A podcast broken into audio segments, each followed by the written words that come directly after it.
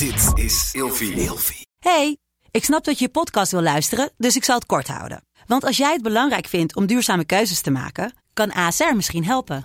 Nou hoor ik je denken, hoe dan? Nou, bijvoorbeeld bij het duurzaam herstellen van schade. Of de premies die we beleggen volgens ons duurzaam beleggingsbeleid. Dat bepaalt waar we wel en juist niet in investeren. Wil je meer weten over welke duurzame keuzes ASR maakt? Ga dan naar asr.nl slash duurzame keuzes. ASR doet het. Zo, dan kan je nu lekker naar je podcast luisteren. Net wat ik al zei, ik uh, ben er heen en weer geflitst tussen conventioneel en, en soft. Dus ik heb beide werelden uh, van dichtbij mee mogen maken. In beide werelden met, met mijn poot in de klei gestaan. Dus ik weet ook dat beide werelden elkaar nodig hebben. Dus, en ik moet heel eerlijk zeggen, ik kan er dus ook niet tegen als de een op de ander zit af te geven. Want je, moet het gewoon samen doen. En, en, je kunt niet zonder elkaar. En alleen, dat mag wel beter georganiseerd worden. Het mag beter gestructureerd worden. En er mogen best wel wat meer uh, ja, dingen in worden geïnvesteerd om dat te kunnen doen. En ik denk dat dat uh, wellicht nog de nodige aandacht vergt voor de, voor de komende tijd.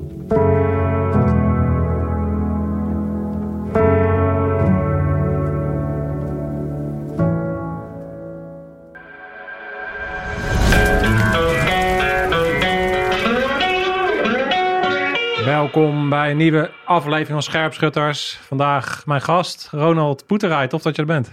Dankjewel. Leuk om hier te zijn. Ja, heel erg uh, tof om elkaar weer eventjes uh, te zien. De mensen zullen jou niet direct herkennen. Uh, omdat jij, denk ik, je hele leven toch al een beetje onder de, de radar hebt gediend. Hoewel je binnen het Corps Mariniers zeker een, een begrip bent en niet voor niks. De reden dat ik jou heb uitgenodigd is omdat ja, jij nu aan het einde van jouw diensttijd bent gekomen. Na 42 jaar bij het Corps Mariniers gediend te hebben. En daarin heb je natuurlijk een enorm bijzondere ervaring opgebouwd. Waarbij jij toch een rode lijn hebt gehad binnen de BBE, de Special Forces. Marshof heeft natuurlijk een hele ontwikkeling meegemaakt. En dat is ook de reden dat het natuurlijk heel interessant is om met jou in gesprek te gaan. Omdat jij vanuit jonge leider helemaal bent opgegroeid en allerlei ontwikkelingen hebt meegemaakt. Dus ik zou het heel gaaf vinden om met jou in gesprek te gaan over jouw bijzondere loopbaan en jouw ervaringen en, en jouw visie en jouw kijk op, op, op hoe jij de dingen ziet te bespreken. Dus heel erg uh, mooi dat je er bent en laten we eens uh, verkennen. Ja, ga je gang. Ik uh, ben benieuwd wat er om me heen gaat. Ja, ja, jij, gaat, jij, jij gaat dan lekker achterover zitten. Zo, ja, uh, precies. Ik ben er gereed voor. Ja. Okay. Hey, wat, wat ik interessant vond, voordat we, voordat we beginnen met mijn eerste vraag... die ik eigenlijk aan iedereen stel... is dat jij op je LinkedIn heb jij staan... fulltime conceptual thinker. Dat vond ik een interessant. Ik, denk, ik was toch even benieuwd wat jij daarmee bedoelt... en hoe je dat ziet. Ja, dat komt eigenlijk doordat ik elke keer te horen krijg... dat ik bij wat voor soort project dan ook... ja, redelijk goed conceptueel kan denken. En met alle uh, moeilijke, complexe zaken waar ik me mee bezig heb gehouden de laatste tijd, werd ik toch aardig dingen in perspectief te brengen. En conceptueel weg te zetten.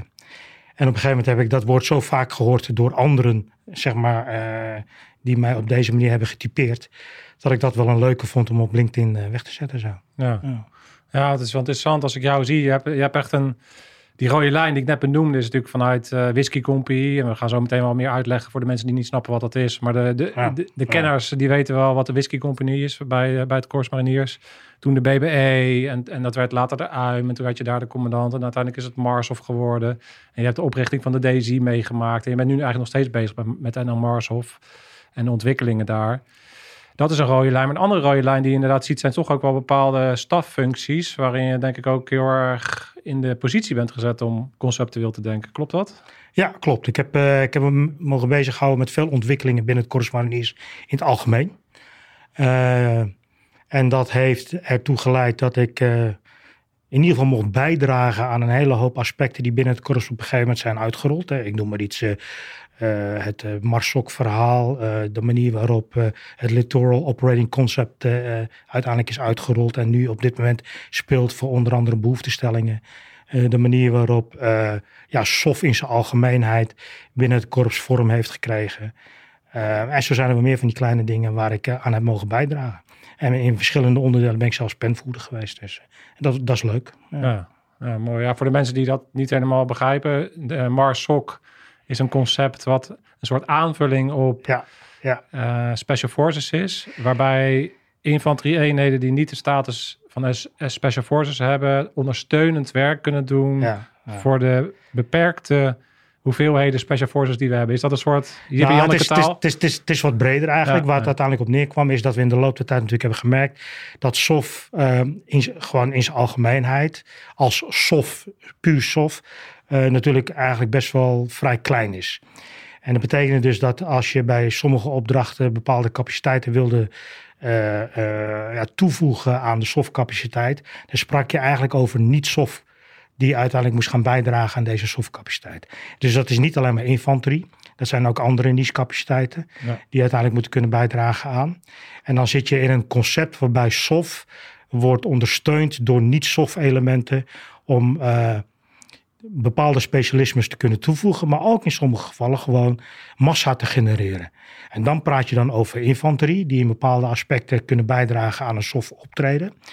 Eh, en die dus iets meer moeten kunnen en kennen dan het reguliere infanteriewerk. En eh, nou ja, goed, en dat vergt natuurlijk ook een bepaalde ja, opleiding, is misschien een beetje een groot woord, maar wel een bepaald soort training voor dat soort eenheden om bij te kunnen dragen aan softcapaciteit. Nou, en dat zijn zeg maar, ontwikkelingen geweest die in de loop der jaren niet alleen Nederland, maar eigenlijk wereldwijd hebben plaatsgevonden. En wij als Nederland nu eigenlijk ook eh, ja, meer en meer eh, proberen eh, ja, vorm te geven. Ja. Zo ook dus Enel Marshoff. Ja. Ja. Nou, je hoort het al, eh, de kennis eh, van, van de verschillende ontwikkelingen en formats, die, eh, die gaan zeker veelvuldig in dit gesprek naar voren komen. Laten we even beginnen naar, waar ik altijd mee begin is natuurlijk, ik ben ook even benieuwd van wie ben je eigenlijk? Want jij bent natuurlijk opgegroeid, we hadden het net over 42 jaar in dienst gezeten, dus toen ik ongeveer geboren werd, toen zat jij al in de voorlichtsteun. Ja, ja klopt. Ja, ja, ja. Neem ons Ja. even terug naar je, naar je jeugd. Waar ben je opgegroeid en hoe ben je uiteindelijk bij het Corps Mariniers terechtgekomen? Ja, eh, goed. Ik ben, ik ben zelf op Aruba geboren, maar dat kwam eigenlijk doordat mijn vader ook marinier was.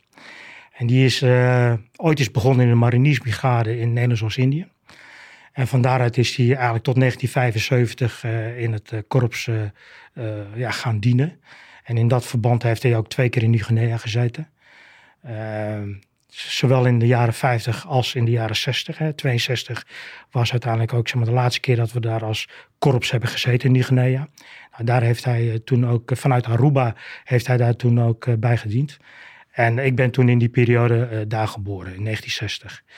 En ehm, nou goed, uiteindelijk moet ik heel eerlijk zeggen, ik ben niet beïnvloed of geïndoctrineerd door mijn vader om uiteindelijk bij het korps terecht te komen.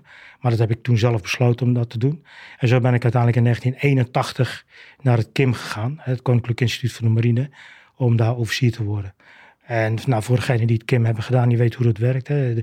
Je komt op op het KIM, je begint met de, de groepsconfrontatie en daarna, sorry, eerst de korpsintroductie en daarna de groepsconfrontatie op, op Texel bij de mariniers. En dan ga je naar de POTOM, de praktische opleiding tot of- officier van de mariniers. En in mijn tijd was dat eh, in Doorn nog, dat is niet in Rotterdam. Dat was in Doorn en wij begonnen met eh, onze illustere, eh, nu eh buitendienst generaal-major Kammert. Dat was toen de kapitein Kammert, die toen mentor Potom was. En eh, wij waren ook eigenlijk de eerste Potom die een beetje Engels georiënteerd werd, op, werd opgeleid. Ja, want je noemt heel veel dingen. Voor de, de in-crowd is het natuurlijk helemaal helder wat je vertelt. Ja, dus ja, ik probeer begrijp even, ja, even, even wat, eh, wat dingetjes eh, ook uit te wijden. Ehm, ten eerste Patrick Kammaert. Nou ja, ik, ik heb hem wel redelijk vaak genoemd. De mensen die kijken, die weten ook wel dat, dat, ook voor mij, ondanks dat ik er nooit onder hem of met hem gediend heb, hij ook, ook een voorbeeld is geweest eh, qua leiderschap. Dat ik zijn boek Ja. heb gelezen en altijd een in- interessante figuur is geweest natuurlijk. Ehm, dat is één, maar even een, eh, een stapje terug is, je noemt drie dingen. Dat is eh, de, groeps, de korpsintroductie, de groepsconfrontatie. Kan je eens uit, Ja, uitleggen de- wat het is? Kijk, eh, het KIM is natuurlijk een instituut. Hè, en, eh, Het Koninklijk Instituut voor de Marine. Ja, het Ja. Koninklijk Instituut voor de Marine en de mariniers, natuurlijk als onderdeel van de marine, komen er dan natuurlijk ook op het KIM terecht. En samen met de, de andere dienstvakken van de marine begin je op het KIM eh, in de zogenaamde korpsintroductiefase. En dat is niks anders dan dat de aderborsten die dan de scepter zwaaien, jou even wegwijs maken in het aderborstenleven, het studentenleven zeg maar. Zoals we dat ook misschien wel in de burgermaatschappij kennen als de, ontgroening. En dat gebeurt ook op het KIM. Nou, en dat is de korpsintroductiefase. Uh, maar dan vervolgens krijg je natuurlijk wel dat je gemilitariseerd moet worden. En dan moeten een aantal aspecten moet dan plaatsvinden. En dat gebeurt tijdens de groepsconfrontatie op Texel. Uh, en dat is ook onder leiding van mariniers die op Texel dan die groepsconfrontatie uitvoeren. Nou, dat is wat we hebben ondergaan. Nou, de rest van uh, de groep die gaat dan terug naar het KIM en begint met studeren. Alleen de mariniers die gaan dan vervolgens naar Doorn. En die, althans in mijn tijd was dat Doorn. En die gaan dan de potom in. En worden dan hevig aan de staart getrokken. Ja, ja de potom, het is grappig. Ik spreek nu natuurlijk heel veel jongens die in, in deze tijd, nog, de potom is nog steeds, staat nog steeds bekend en niet voor niks als een enorme uitdaging in je leven natuurlijk. Ja. dus ik spreek toevallig nu regelmatig een jongen die op het punt staat om de potom in te gaan.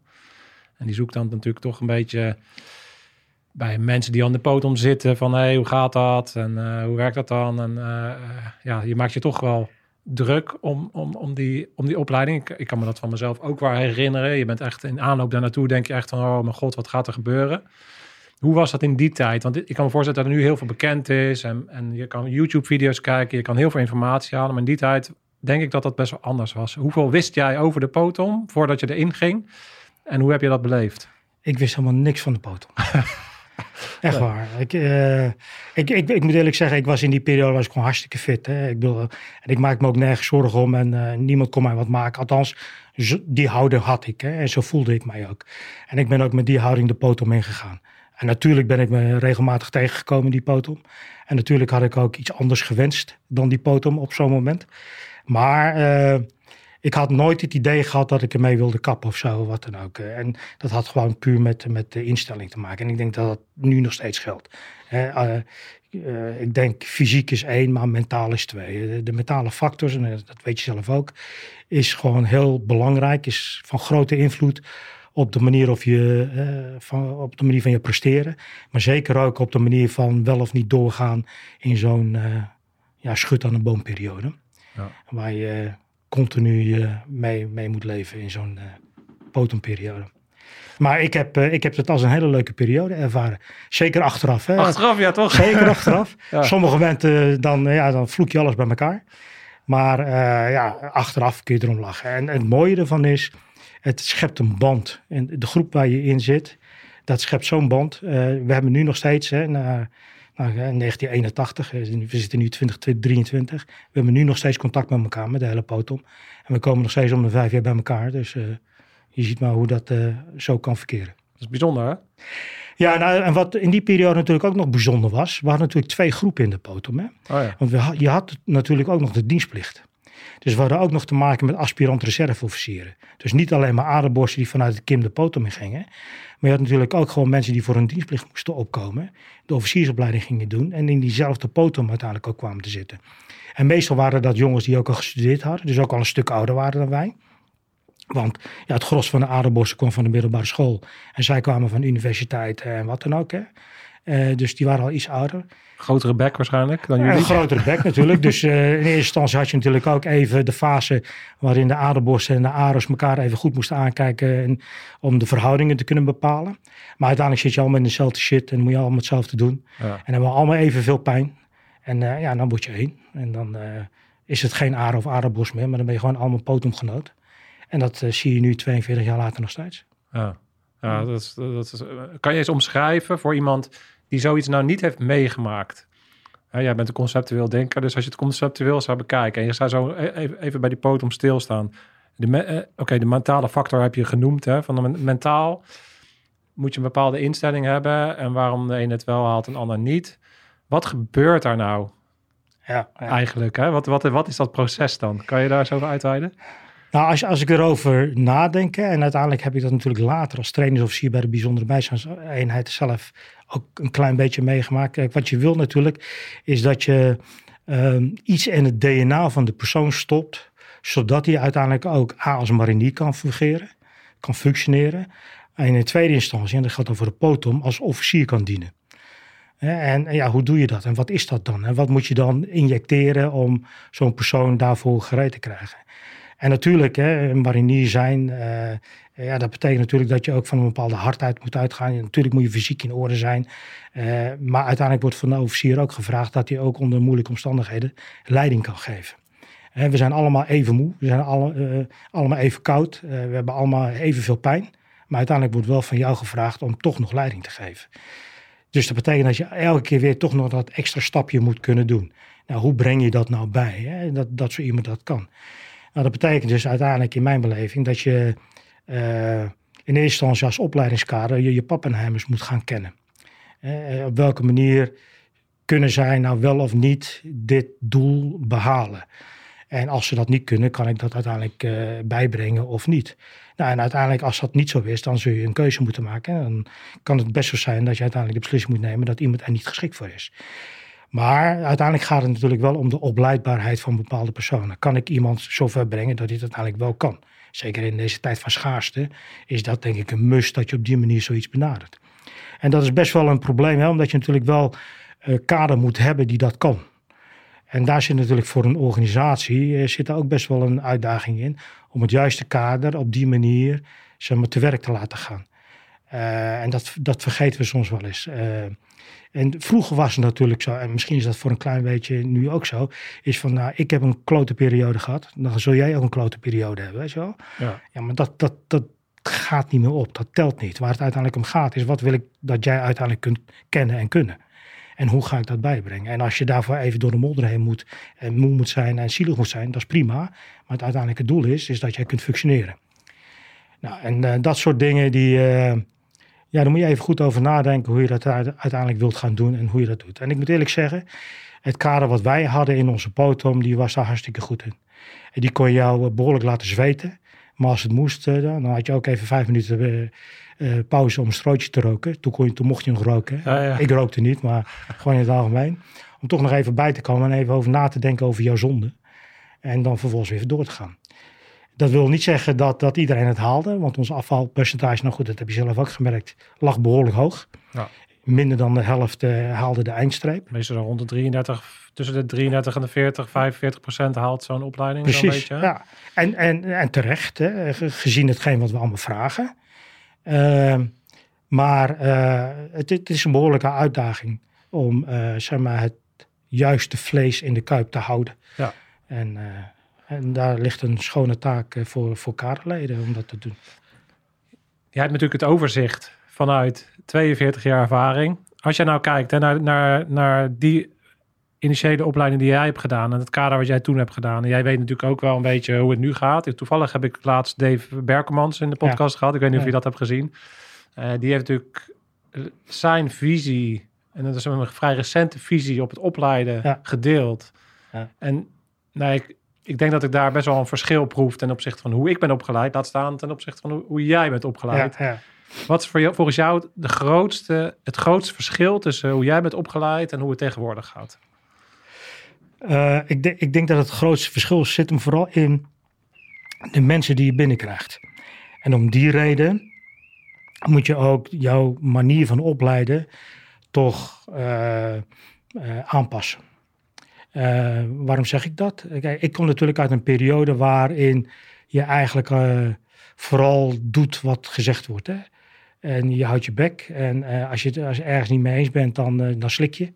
En dan vervolgens eh, doe je gewoon wat. En achteraf dan begin je pas te klagen. Nu heb je natuurlijk met jeugd te maken die al op voorhand wellicht een weerwoord heeft. En ja, dat is nou eenmaal zo. Dat is niet altijd leuk. Zeker niet voor kaderleden, zeker niet voor opleidingskader. Maar het is nu eenmaal zo. Dat betekent dat je daar op een bepaalde manier mee om moet kunnen gaan. En ik moet eerlijk zeggen dat in de loop der tijd natuurlijk ook de manier van opleiden veel professioneler, wetenschappelijker uh, individueler, hè, op de man gericht, ja. kan, wordt uitgevoerd. En dat is hartstikke goed. Het zou ook heel slecht zijn als op dezelfde manier wordt opgeleid als dat ik in 1981 ben opgeleid. Ja. Dus je, je moet een, een bepaalde evolutie door, doorlopen om uiteindelijk steeds beter te worden. Uh, stilstaan is achteruit gaan. Dus wat dat betreft hartstikke goed. Want ik heb het zelf ook, uh, wat ik al zei, toen ik trof was van de BBA, dat soort dingen mogen doen. Om uh, verbetering aan te brengen in de manier van opleiden. Ja. Nou, dat heb ik natuurlijk zelf ook geconstateerd in mijn eigen potom. En wat ik al zei, uh, Patrick Kammert was de eerste die een beetje op de Engelse tour is gegaan. Omdat we natuurlijk al uit de jaren 70 zeg maar richting de Engelsen zijn gedreven. En uiteindelijk ja, natuurlijk dan ook met je opleidingen mee moet gaan. En dat heeft hij bij de officieren gedaan. Want jij zegt natuurlijk richting de Engelsen gedreven zijn. Kan je eens heel kort uitleggen waarom wij een samenwerking op die manier hadden met het korps, met de Engelsen? Wat, wat... Nou, dan moet je een, stukje terug in de geschiedenis van het korps mariniers natuurlijk. En dat is eigenlijk uh, ja, datgene wat zich allemaal in de jaren 70 heeft, plaats, heeft afgespeeld. En dat is natuurlijk ook een stukje ja, uh, ja, uh, ja, overleving van, van het korps wat heeft plaatsgevonden in de jaren 70. Er zijn natuurlijk eh, best wel veel ontwikkelingen geweest in die periode die wellicht eh, het einde van het korps hadden kunnen betekenen. Dus eh, het korps is toen zich gaan heroriënteren en heeft toen eigenlijk ja, niche-capaciteiten gezocht. En een van de niche-capaciteiten was koud weer. en toen is ook de samenwerking gezocht met de Royal Marines van, van de UK. Om uiteindelijk gezamenlijk in, in de zogenaamde UKNL-verband uh, iets te doen op de noordflank van, van het NAVO-verdragsgebied. Ja, dat is nu natuurlijk eigenlijk weer... Het is weer terug, hè? Het is weer terug. De, de geschiedenis herhaalt zich, ja. Ja, want to, toen was dat dus belangrijk vanwege de dreiging daar. En was de capaciteit in koud weer was een niche die nog niet goed genoeg belegd was binnen de krijgsmacht. Zeg ik dat Ja, dat klopt. En een van de taken die we als NAVO in zijn algemeenheid hadden... was natuurlijk zeg maar, het vertragen van de... mocht een inval vanuit Rusland via Noorwegen uiteindelijk richting het zuiden gaan plaatsvinden. Om daar een vertragend gevecht te gaan uitvoeren. Zodanig dat uiteindelijk Amerikaanse en Canadese steun zeg maar, richting eh, Europa kon, uh, kon komen. Om, uh, om over te nemen. Nou, en in dat vertraagd gevecht lag een rol voor de UKNL. Ja. En dat hebben we uiteindelijk samen met de Engelsen opgepikt. En zo zijn we uiteindelijk een beetje in die contraien terechtgekomen. Ja. En een van de spearheads, of ja, eenheden die het voortouw in dat verband heeft genomen, was de Whisky Compagnie als onderdeel van uh, uh, Three Commander Brigade. Sorry, van... Uh, uh, 4-5 Commando. 4-5 Commando, ja. Als 4-5 Commando. Ja, dat is grappig, want ik begon de podcast met Andy Kraag als met Pa Kiko, BBE. Wat is dat dan eigenlijk? En alle, alle kenners, die weten meteen wat het betekent. Dat ja. zei ik toen ook. Ja. En hetzelfde geldt een beetje voor de Whisky Company. Want zoals ik het ken, ik ben natuurlijk bij Marinier en dan hoor je de, de verhalen. Ja. Is de Whisky Company binnen het Corps Mariniers was een soort, ja, bijna een soort mythologische status ja. had het gekregen. Ja. Kan jij eens je eigen wording uitleggen wat de Whisky Company dan was en waarom het dan zo'n aanzien had gekregen binnen de cultuur van het Corps Mariniers? Nou, de Whisky Company was natuurlijk een eenheid die, uh, compagnies groot, hè, 120 man, 130 man uh, als een soort zelfstandige eenheid in Doorn functioneren, maar wel onderdeel was van wat ik al zei, 4-5 Commando, een, een, een Brits bataljon. En dat Britse bataljon dat zat in, uh, in in Schotland. En daar had je de andere compagnieën van deze commando, van dit commando. Uh, en wij maakten daar onderdeel van uit. En in principe hadden we als Whisky Compagnie natuurlijk veel met, met hun van doen. Dus wij hadden echt een, een Engelse smoel, zeg maar.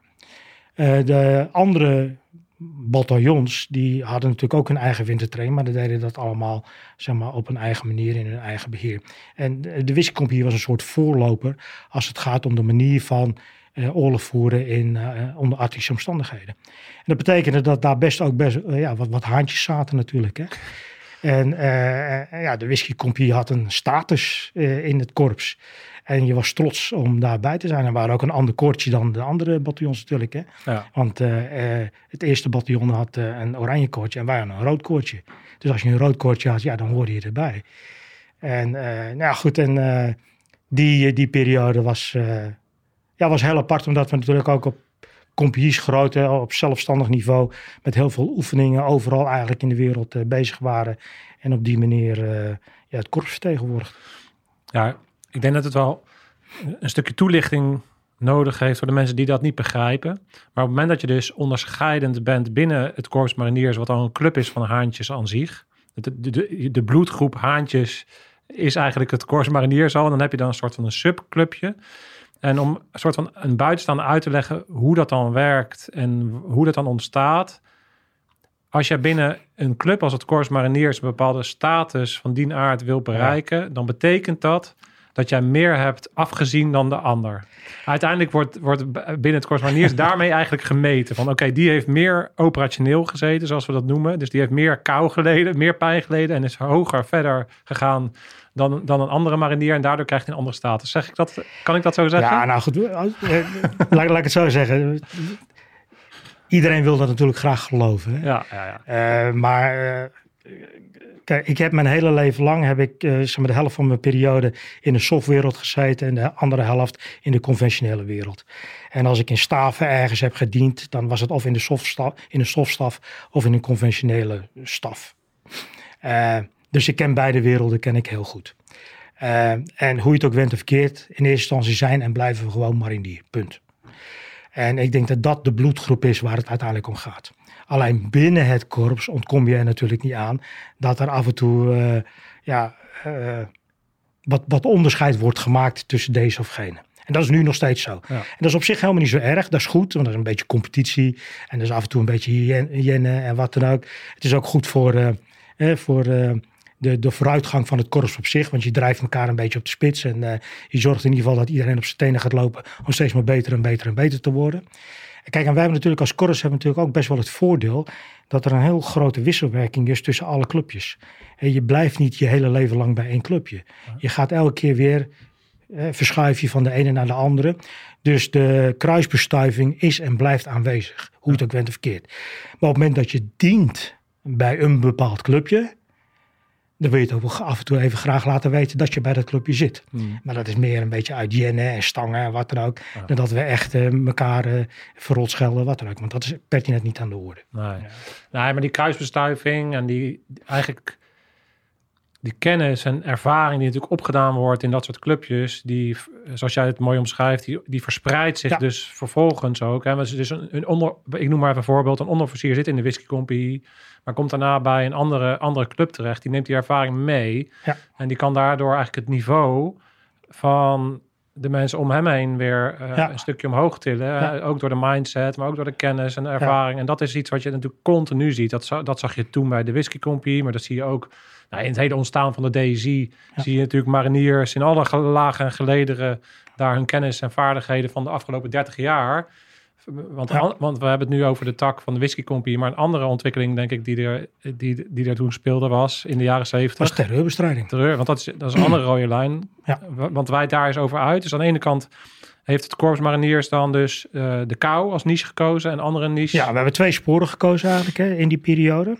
Of twee hele duidelijke sporen waarin we dachten dat we in ieder geval eh, iets konden bijdragen, maar tegelijkertijd daarmee ook eh, het korps overeind konden blijven houden. Dat was zorgen dat we eh, samen met de Engels in dit geval iets in de Arctic konden doen.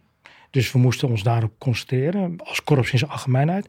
Maar tegelijkertijd speelde natuurlijk ook, en dat was naar aanleiding van eh, de Olympische Spelen in München, die helemaal verkeerd zijn gegaan eh, bij die gijzeling. 76 was dat dan? Nee, 72. 72, zo ja. Mijn, eh, ik, eh, eh, te lang 72, eruit. 72 Olympische Spelen in München. hè, 72, toen, ja. toen de Palestijnen en de Israëlische delegatie gijzelden.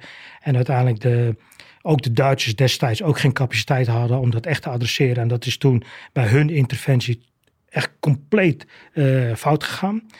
Toen eh, heeft de hele wereld zich achter de oren gekrapt en gezegd van joh, eh, dit is een dreiging, daar moeten we wat mee. En, en zo ook Nederland heeft dat destijds gedacht. En toen werd intern Nederland gevraagd, ja wie hebben we eigenlijk om dit te kunnen doen? Overal werd de vraag neergelegd en uiteindelijk heeft eh, het korps zijn vinger opgestoken en eh, toen kregen wij de bal. Wat, op, wat bijzonder is, want je zou natuurlijk verwachten dat het bij een blauwe organisatie komt te liggen. Ja, maar ook de politie had toen niet de capaciteit om dit te doen. Maar er waren toen ook geen arrestatieteams of wat dan ook, hè, die dat soort dingen al deden. Toevallig heb ik binnenkort, ik weet niet precies wanneer deze uitgezonden wordt, maar ik heb ook eh gesprek opgenomen met Jan Hondorp, die helemaal het begin van de, de arrestatieteams eh, heeft gezeten. En dat was natuurlijk ook begin jaren tachtig. Oh, wat geinig, want Jan Hondorp, eh, even, even een sidestep. Jan Hondorp heb ik als, eh, als eh, tiener samen mee gevoetbald in Eibergen. Dus, Oh, wat eh, grappig. geinig. eh, kleine wereld, ja. Ja. We zaten in hetzelfde eiland. Maar goed, dat is een ander verhaal. Mooie, mooie rammer ook. Dus als je Ja, podcast niet hebt gezien, moet je zeker Nou, dan moet je even de groeten doen van. Ja. Maar, waar het mij om gaat is... eh, kijk, in die periode was de politie niet zoals die nu is. Hè? En je had toen ook nog het onderscheid tussen rijkspolitie, gemeentepolitie... eh, en ook nog een hele hoop andere soorten organisaties... die uiteindelijk in ieder geval niet deden... wat destijds gevraagd werd als het gaat om de terrorisme-dreiging in zijn algemeenheid, die Nederland eventueel ook zou kunnen, ja, zou, zou kunnen krijgen. Nou, uiteindelijk is die bal neergelegd bij het korps. Dus uiteindelijk zijn er wat mensen bezig geweest om deze terrorisme capaciteit op te richten in, en in te richten. Nou, die voorgangers hebben onder andere ook bij de GSG 9 en ook bij uh, de Amerikanen en noem maar op, zijn ze te rare gegaan. En zo is uiteindelijk een, in eerste instantie een close combat unit uh, opgericht en ingericht. En dat is uiteindelijk uitgegroeid tot de BBA Mariniers. En uh, nou, en goed, in de jaren 70, dat kennen we allemaal, hebben we natuurlijk in de, toen de Zuid-Molukse periode gehad. Waarin een aantal zaken hebben plaatsgevonden. En die uiteindelijk hebben geleid tot inzet van deze capaciteit. Nou goed, en dat soort mensen, uh, die uiteindelijk daar deel van hebben uitgemaakt. Ja, dat zijn natuurlijk ook mensen die ook handpicked bij elkaar werden gezocht. Was, was dat ook een groot, uh, uh, de Whisky Company en die, die clubjes, zat daar ook een link tussen? Nou ja, wat je, wat je zag gebeuren is, hè, want, uh, en dat doen we nog steeds, je bent niet voor het leven bij een bepaalde club. Dus je blijft heen en weer schuiven tussen verschillende clubjes. En wat je zag gebeuren is dat er tussen de Whisky Company en de bijzondere bijzijdseenheid best wel veel heen en weer werd geschoven. Ja. Dus de baasjes die bij de Whisky Company zitten, waren ook heel vaak de baasjes die gediend hadden of hebben of gaan dienen.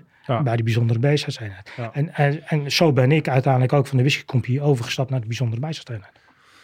Ja, want jij hebt dus ja, allebei die sporen dus uh, ook allemaal meegemaakt. Neem ons eens mee naar, want wanneer ben jij voor het eerst petonscommandant geworden bij de BB? Ik ben in uh, 89 ben 89. Ik bij de Toen, dus dat is al na de drukke periode. Ja, ja dus de, maar, maar wel in een periode natuurlijk vol ontwikkeling ook, denk ik. Of hoe, hoe, hoe was de status van de eenheid toen en wat gebeurde ja, er? Dat is nieuw, niet, in 87. In 87. 87. Ja. Vertel ons eens even, wat voor soort club was het? En, eh, en het begin nou, van de antiterreur Nederland praten we over. Nou, het begin van antiterreur Nederland is natuurlijk de periode eh, in de jaren 70 geweest. Ja, ja, En dat is natuurlijk een hele drukke periode geweest voor deze club. En die hebben best wel veel voor een kiezer gekregen. Uh, en die hebben ook veel moeten doen. En die hebben uiteindelijk best wel, zeg maar, de, de, de zaadjes geplant voor eigenlijk datgene wat eigenlijk heel NMRSOF nu is. Ja. Uh, ook al is slechts maar een deel counterterreur uh, of terreurbestrijding binnen NMARSOF. Maar in zijn algemeenheid denk ik dat daar wel uh, de, de kiem is gelegd voor, voor wat NMARSOF nu is. Nou, ik ben natuurlijk van de jaren 80. En de jaren 80 waren natuurlijk best wel relatief stil. voor, voor een eenheid zoals de bijzondere bijstandseenheid. Dus je zat in een periode waar best wel gezocht werd naar, ja, waarvoor zijn we eigenlijk op aarde en wat doen we nou eigenlijk? Dus er werd best wel, nou, heel veel ontwikkeld. Er werd heel veel getraind, heel veel geoefend. Uh, maar je zocht naar bestaansrecht omdat natuurlijk in de tussentijd de politie ook niet uh, stilstond. De politie is ook bezig gegaan met het ontwikkelen van capaciteit. En zo zijn uiteindelijk ook de arrestatieteams ontstaan. Maar ze hadden natuurlijk ook een gelaagdheid in manier van aanhouden en wat dan ook.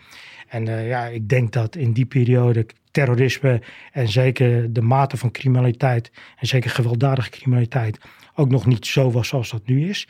En, en, dus had je ook bijvoorbeeld aanhoudingseenheden. Je had ook uh, de zogenaamde GBO's, uh, groep bijzondere uh, operaties of zoiets.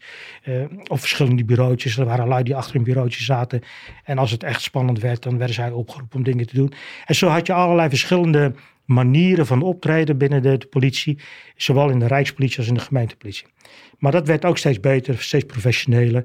En ze gingen ook steeds meer zelfstandiger uh, optreden. Dus de, de rol van de bijzondere bijstandszijn, werd ook steeds meer naar boven gedrukt. Naar boven bedoel je naar geweldspectrum? In het, in het geweldspectrum. Hè? Ja. En je kwam dus eigenlijk ook, zeker in die periode, nauwelijks aan bod. Als het ging om daadwerkelijk iets doen. Dat betekende niet dat je bij de pakken kon neerzitten. Want je moest wel zorgen dat als de knop op de knop werd gedrukt. Als je gereed was voor het ergste. Dan moest je wel wat. Dus ja, wat ging je vooral doen? En uiteindelijk uh, is dat een, een beweging geweest uh, die, uh, die eigenlijk een beetje natuurlijk ging. Is was, ja, oké, dan gaan we ons richten op grootschalige en complexe aangelegenheden. He, want arrestatieteams die pakken vuurwapengevaarlijke verdachten, misschien ook wat terroristen, wat dan ook. In die periode heb ik het over. Hè? Ja. Maar wat er blijft er dan over? Ja, wanneer is dan een rol voor de bijzondere bijstandseenheid weggelegd? En dan praat je over grootschalig complex. Werd, werd er als model dan ook de punt genomen? Was dat een soort van, ja, het uitgangspunt van grootschalig en complex? Een, een punt, dus voor de mensen die dat niet uh, begrijpen wat dat is, even googlen, de gijzeling bij de punt, uh, ja, Dus, een, dus, dus wat ik bedoel daarmee is, was toen de tijd het uitgangspunt van antiterreur Nederland een statische gijzelingssituatie met een complexe uh, omgeving waarbij je relatief veel mensen nodig hebt om het op te lossen. Kan ik dat? Uh... Ja, nou, grootschalig en complex. Dat, dat zijn dus in principe twee, uh, twee grootheden. Grootschalig wilde inderdaad zeggen dat je veel mensen nodig hebt die gezamenlijk uiteindelijk een bepaalde actie moeten kunnen uitvoeren om de situatie te kunnen oplossen. Dan hebben we het met name over gijzelingssituaties. Hè? Ja. Daar ging het om. Nou, waar, waar, onder wat voor soort omstandigheden zou je er kunnen tegenkomen? En dan praat je bijvoorbeeld over massatransportmiddelen. Ja, vliegtuigen, treinen, passagiersschepen, uh, grote terminals, uh, stadions. Het maakt allemaal niet uit, hè? als het maar grootschalig is. Complex, dat kan op vele manieren een bepaalde ja, duiding hebben. Uh, bijvoorbeeld onder CRBN, hè, chemische of biologische of uh, radiologische omstandigheden. Dat betekent dus ook als je dat zegt en jij moet als eenheid daar gereed voor zijn, dat je dat dus ook moet kunnen en kennen. Dus je moet ook de middelen daarvoor hebben. Dus dat betekent ook uiteindelijk dat je ook daarin moet gaan investeren. Zowel in je training, opleiding als in de middelen die je daarvoor nodig hebt. Ja. Zodat als dat aan de orde is, dan is het helder. Dan ligt die bal bij een club als de bijzondere bijstandseenheid en dan gaan de arrestatiesteams een stap terug. Een ander onderscheid wat in die tijd nog heel strikt werd, eh, werd gehanteerd was, het is of terrorisme gerelateerd of niet. Ja. Nou ja, dat, die scheidslijn werd natuurlijk ook in de loop der jaren, en zeker nu, ja, wat diffuser. Omdat, ja, waar leg je die grens nou? Hè? Want uh, het wordt steeds gewelddadiger, het wordt steeds complexer. Uh, ja. en, nou goed, en daar heb je nu uiteindelijk een DSI voor om dat te te besluiten. Nou, dat, dat, je gaat natuurlijk over een ontwikkeling inderdaad van oké, 87 kwam jij erbij en daar heb je een ontwikkeling doorgemaakt. Het is natuurlijk heel interessant om te zien, oké, er gebeurt iets, er ontstaat eigenlijk iets. Hè? Dus ja. je krijgt dan een soort Corps Mariniers die zich gaat richten vanuit een bepaalde beweegredenen naar dat, naar dat terreurverhaal, de arrestatieteams binnen de politie ontstaan. Maar daar zie je al dus al een soort tweedeling ontstaan tussen het hoge geweldspectrum zoals we dat noemen, voor de mensen die niet helemaal begrijpen wat dat is, dat, dat is echt, echt zwaar geweld. Met zware wapens, met, uh, met, misschien wel met uh, RPG's, met raketten, of misschien met bommen of, uh, of booby traps. Echt zwaar geweld. En dan dus vaak dus gekoppeld aan het terreur gerelateerde geweld. Hè, wat je dus ja. in Europa toen, toen de tijd toch wel veel zag opkomen. En dan heb je de, de vuurwapengevaarlijke mensen die dan dus, waar ook weer een spectrum is binnen de politie. Hè? Dus de, de, de, noem het even de Jan met de, met, met de pet, de, de, de, de straat. Uh, politieman, de, degene die gewoon de generalist die het werk doet eigenlijk. En dan heb je een specialistisch clubje die de, ja, die eigenlijk de vuurwapengevaarlijke uh, criminelen uh, oppakt. Daar zie je dus een soort tweedeling ontstaan, die natuurlijk cruciaal is geweest later ook in de ontwikkeling. En, ja. en ook weer de samenkomst eigenlijk binnen een dienst speciale interventie. Ja. Um, en wat ik daarin interessant vind en wat jij vertelt, is, want ik herken dat ik ben ook pelotonscommandant geweest. Ja, dus, dus, ja. uh, dus in, in uh, 2009, eind 2009, werd ik pelotonscommandant. Dus een heel stuk na jou. Maar ik zat ook eigenlijk een beetje in zo'n off-periode, waarin een aantal jaren later wel weer echt het zware geweld van 2015 opkwam. Ja. Uh, met, met de Bataclan en dat soort dingen. Maar ook wel ik herken ook wel dat dingen, wat er dan is gebeurd. Ik gaf leiding aan, aan, aan de baasjes, zoals we ze besproken hebben. En dat zijn bezige baasjes, die willen ja. iets doen, die willen ja. iets bijdragen. Ja. En die zijn super gedreven. Wat gebeurt er als je die mensen voor de kast zet, zoals wij dat noemen? Ja, die gaan dan zoeken naar hoe kunnen wij van waarde zijn. En die ontwikkeling, die, wat er dan is gebeurd en wat jij dus ook omschrijft. Dus ja, wij gingen dus kijken naar het terreur en we gingen massatransportmiddelen. Dus we gingen op zoek naar waar kunnen wij van waarde zijn. Oké, okay, wij gaan pakken dat grootschalige complexe.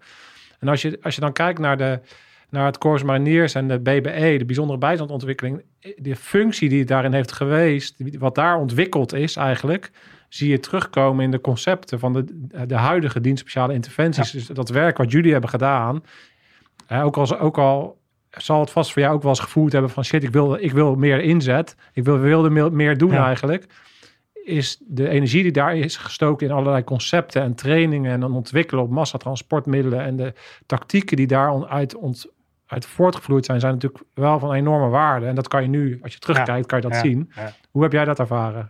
Die tijd en, en, en, en die wil om. Nou, laat ik één ding. Ik heb ook aan de uh, bij de ontwikkeling van de DSI uh, aan de wieg mogen staan. Hè? Ja. Want ik was uh, precies op 9-11, 9-11. We kennen allemaal die periode nog. Hè? Waar was je toen, toen 9-11 plaatsvond? Uh, nou, ik werd het nog donders goed, want toen werd ik commandant van de bijzondere bijstandseenheid. Dus uh, tijdens de overgave overname met mijn voorganger, toen zagen we op tv ineens dat er allerlei vliegtuigen zich boorden in de Twin Towers. Nou, vanaf dat moment ben ik eigenlijk alleen maar in een, ja, in een rollercoaster terechtgekomen. Omdat natuurlijk de hele wereld was opgeschrikt door hetgeen wat, wat een terrorist allemaal kan doen en wil doen. En in staat is om te doen. Eh, zoals zij dat destijds met de Twin Towers en, en andere eh, vliegtuigen die ze hebben laten neerstorten hebben gedaan. Dus in Nederland begon op een gegeven moment wederom de discussie, wat, wat moeten we hiermee? Hè? En uh, ik was toen net commandant van de bijzondere bijstandseenheid.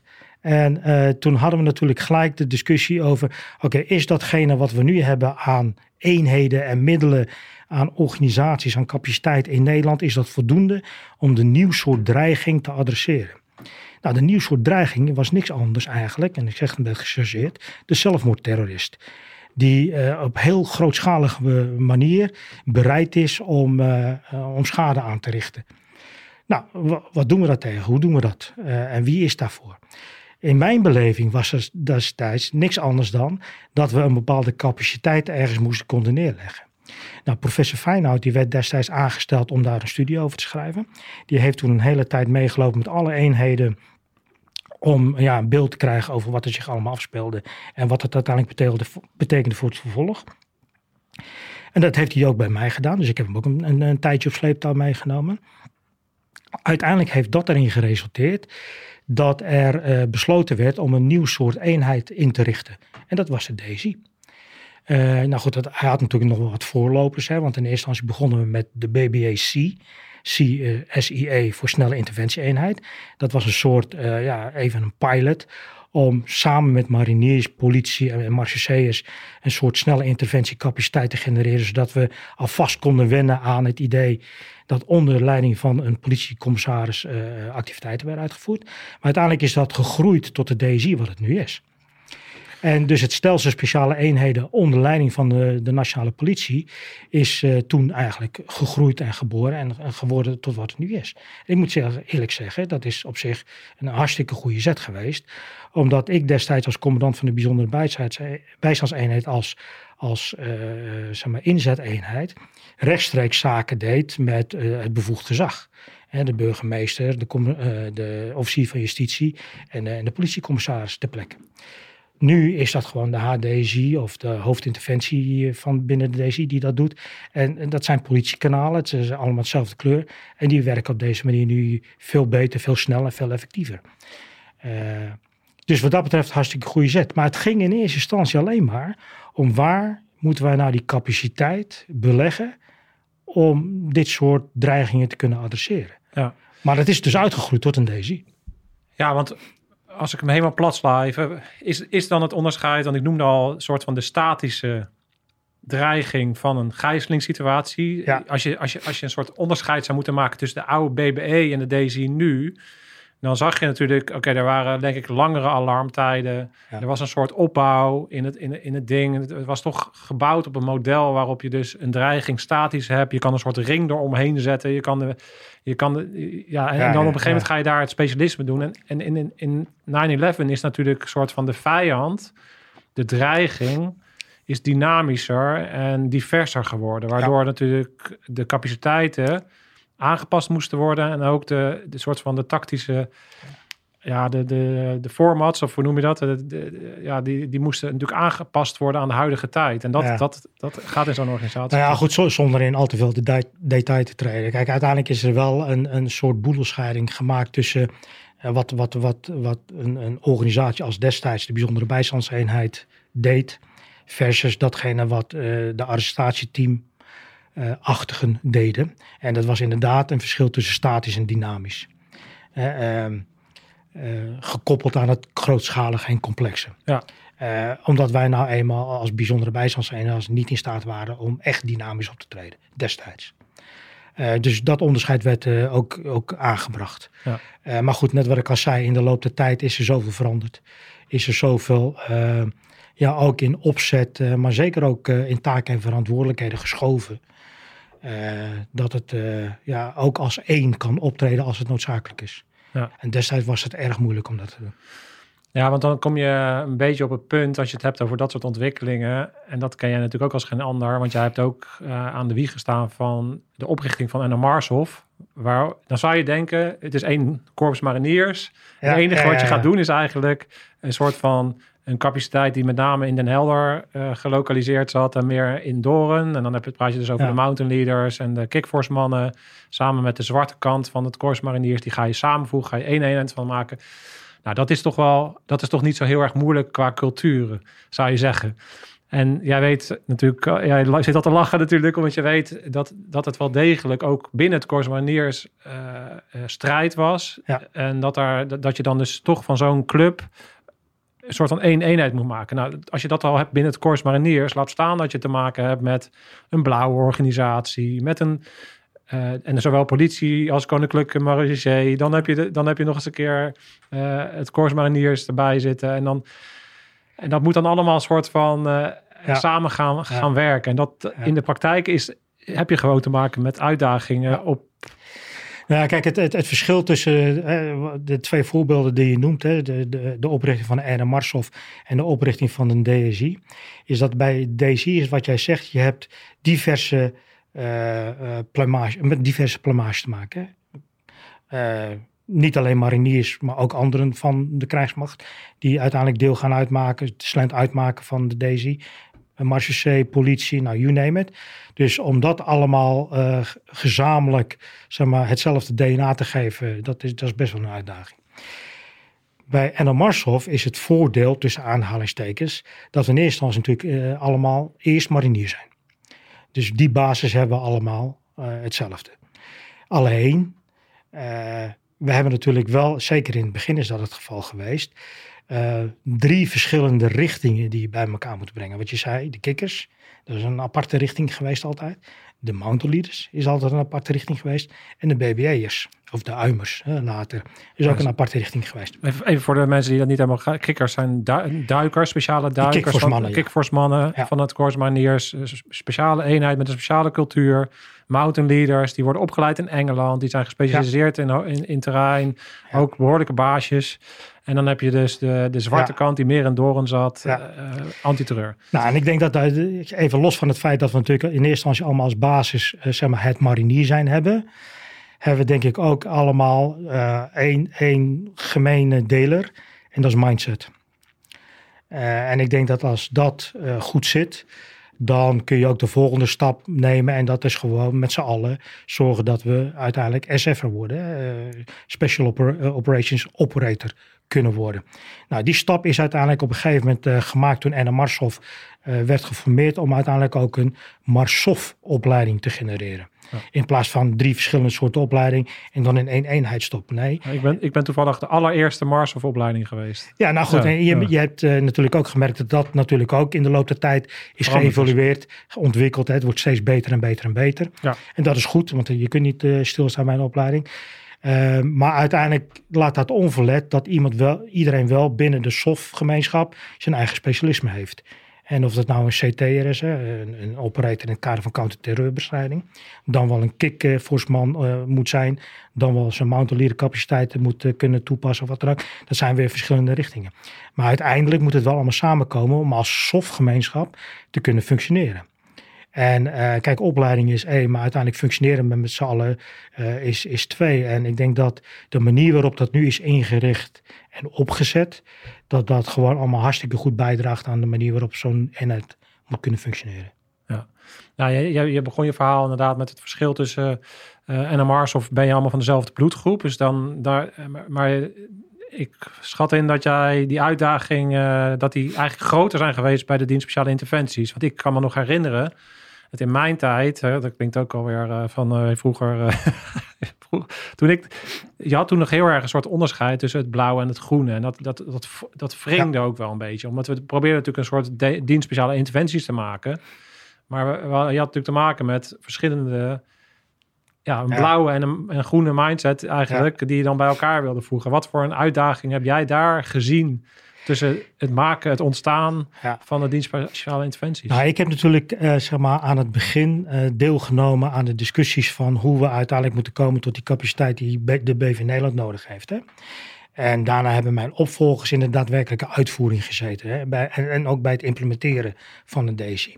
Ik heb in, uh, in, de, zeg maar in, het, uh, in het conceptualiseren van, van het geheel heb ik ja. gezeten eigenlijk. En toen hadden we de discussies ook best wel vaak over... Ja, kan eigenlijk een militair, zeker een marinier, zeker een SF'er... functioneren in een blauwe omgeving? Want toen ontstond natuurlijk ook best wel het, beeld, of toen was er het beeld, van het is allemaal dood en verderf als wij als militairen optreden in een, in een civiele omgeving. Ja, dat kan natuurlijk niet, weet je wel. En uh, toen werd er heel vaak gesproken over de mindset van een militair in het algemeen, maar zeker van een SF'er in het bijzonder. BBR, maar ook eh, van het KCT of wat dan ook. Of die überhaupt wel zou kunnen functioneren in zo'n omgeving.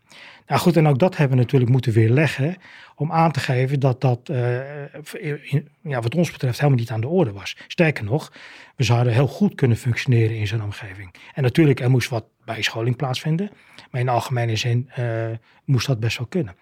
Maar uiteindelijk moest het wel bij elkaar komen. Uiteindelijk ging het natuurlijk wel om de, ja, de mensen die je moest hebben die een juiste mindset hadden om bepaalde situaties te kunnen adresseren de vaardigheden, ja, die moet je wel aanleren. En dat je dat onder een blauwe omgeving of in een blauwe omgeving moet doen onder blauwe leiding, daar moet je ook natuurlijk even iets voor leren. Want dat is ook iets anders dan dat je dat in een militaire hiërarchie doet wat dan ook.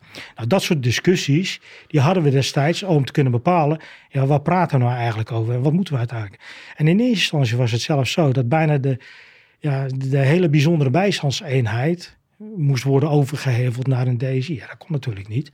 En uiteindelijk werd er afgesproken dat ja, de krijgsmacht in zijn algemeenheid, maar zeker ook uh, de bijzondere bijstandseenheid in het bijzonder, ja, die stond gewoon aan een bepaald, voor een bepaald percentage wat geleverd moest worden aan de DSI. Dus je moest al met een bepaalde uh, achtergrond instromen in deze club om te kunnen functioneren. Alleen daarna begint nog, en daar weet je alles van, ja. begint ook nog een traject om uiteindelijk te, daadwerkelijk als DSI te kunnen functioneren. Ja.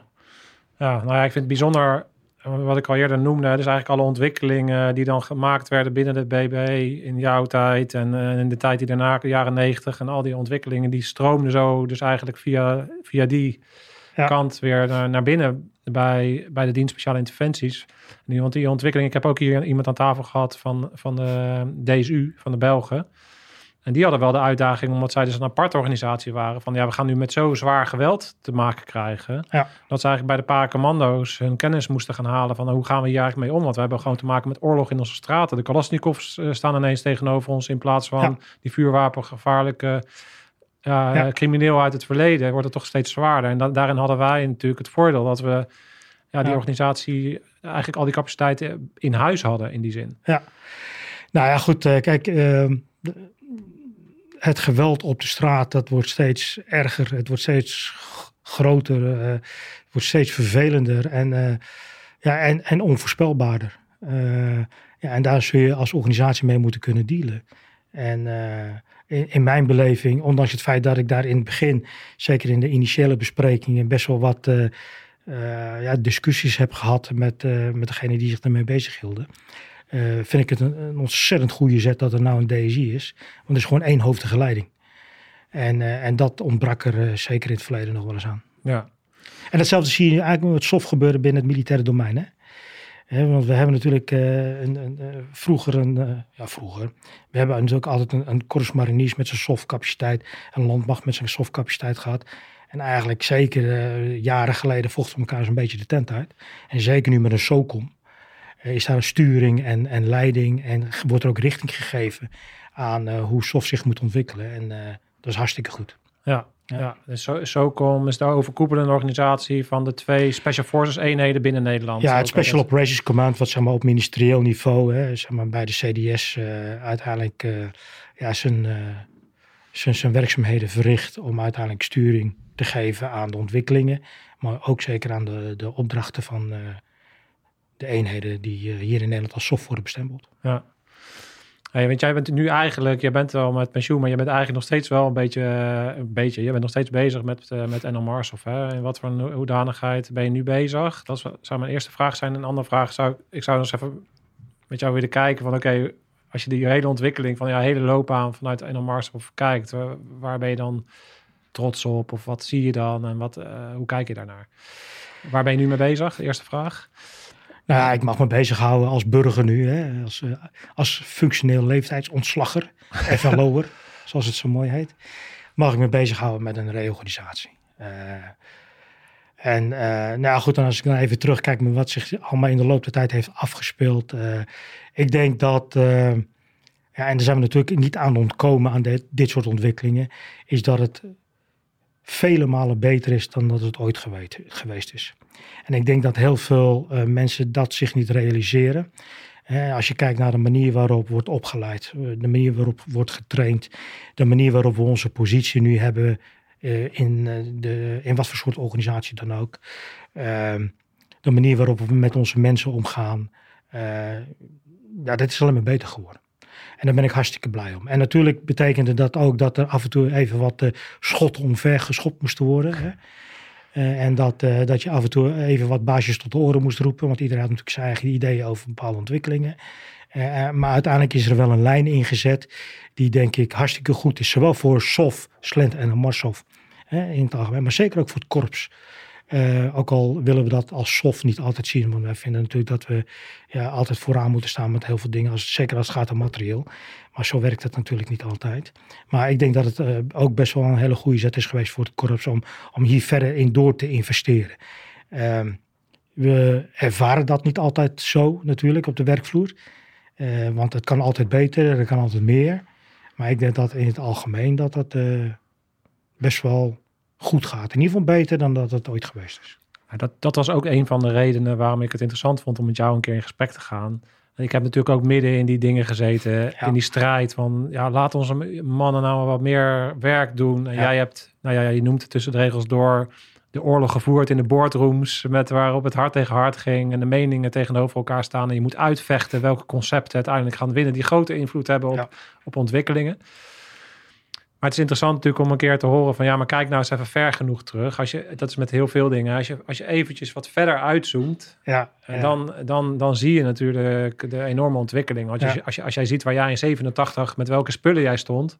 Ja. Dat heb ik nu al als ik mijn opleiding foto's zie, dan denk je, jezus, ik stond met die zwarte helmen en met die, die oude vesten en die MP5's. En als, als, je nu ziet, ja, met, met alleen al qua spullen, en dan, niet eens, dan de professionaliteit daar, die daar omheen hangt. Ja, dat is, dan, is dat, dan is dat natuurlijk onwijs gaaf om te zien. Ja, kijk, nogmaals, hè, 81 ben ik opgekomen in de podium. En toen liepen we nog met die Amerikaanse helm, hè, binnen- en buitenhelm. Verschrikkelijke dingen. En uh, we hadden de large pack uh, en de canvas riem. En mijn rug, ik heb nu nog de littekens op mijn rug zitten van die, uh, van die canvas riemen. Ja. En zo zijn er nog meer van dat soort dingen, weet je wel. En het was wat het was destijds.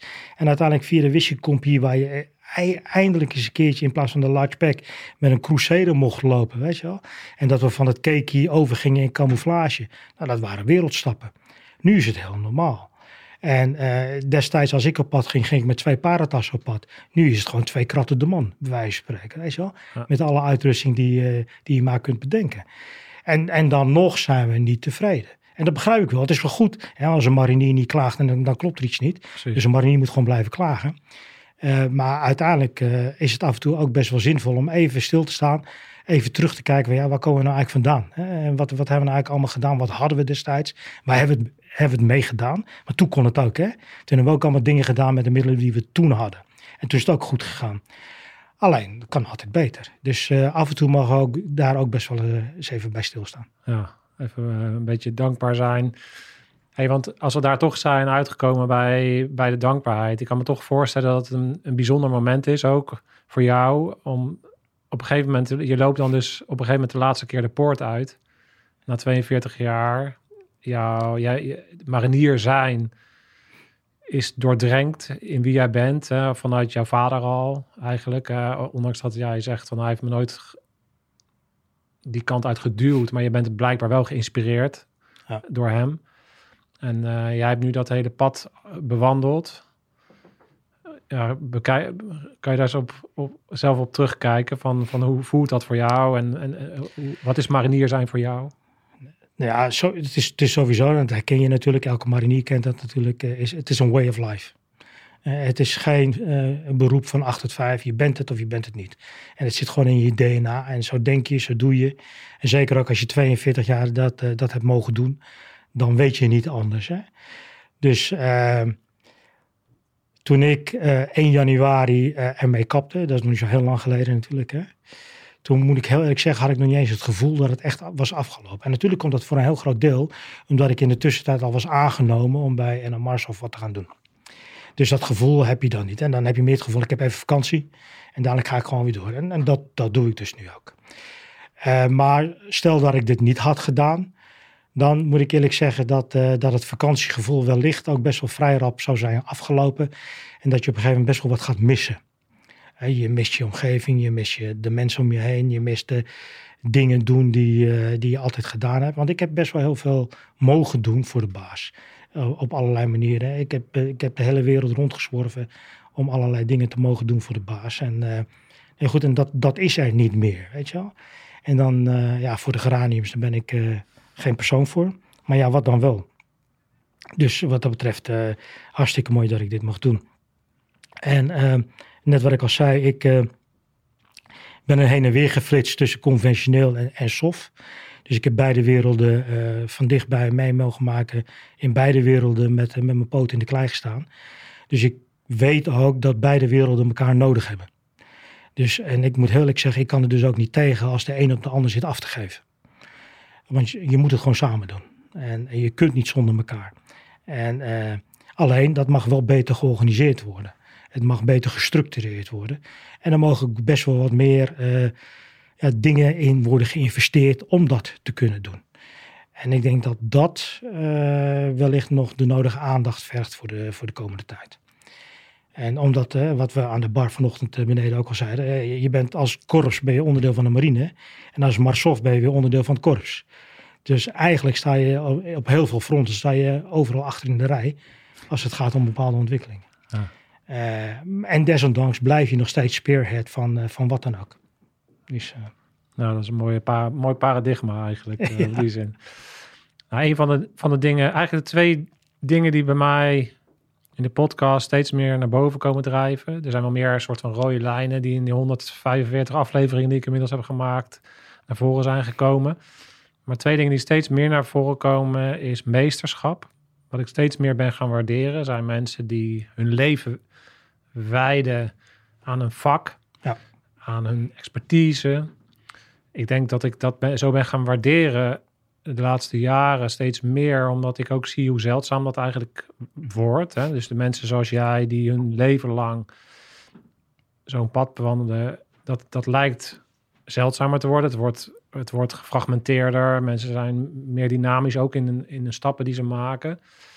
Dus ik vind het heel bijzonder om vanuit jouw ervaring te kunnen te putten, te kunnen horen. En ik weet zeker dat, dat je daarin ook nog een, een rol kan spelen met de energie die je nog, nog hebt.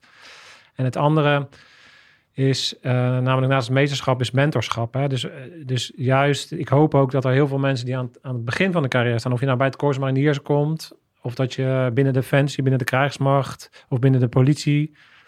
Luister nou naar de oude baasjes, hè, de, de mannen met ervaring, Jan Hondorps en, en, en jij en Andy Kraag. Al die baasjes, die, want, want de ervaring die jij hebt, die kan, kunnen we niet in een uurtje nu helemaal naar, naar, naar boven trekken. Hè? Want je zegt, je hebt de hele wereld rondgezworven. Dus we zouden hier zo meerdere podcasts van kunnen maken. En die Kraag heeft ook maar een stukje van, van zijn ervaring kunnen delen. Maar het is belangrijk dat op het moment dat je daar goed naar luistert en je de, de geschiedenis en, de, en de, de ontwikkelingen die daar vooraf gegaan zijn,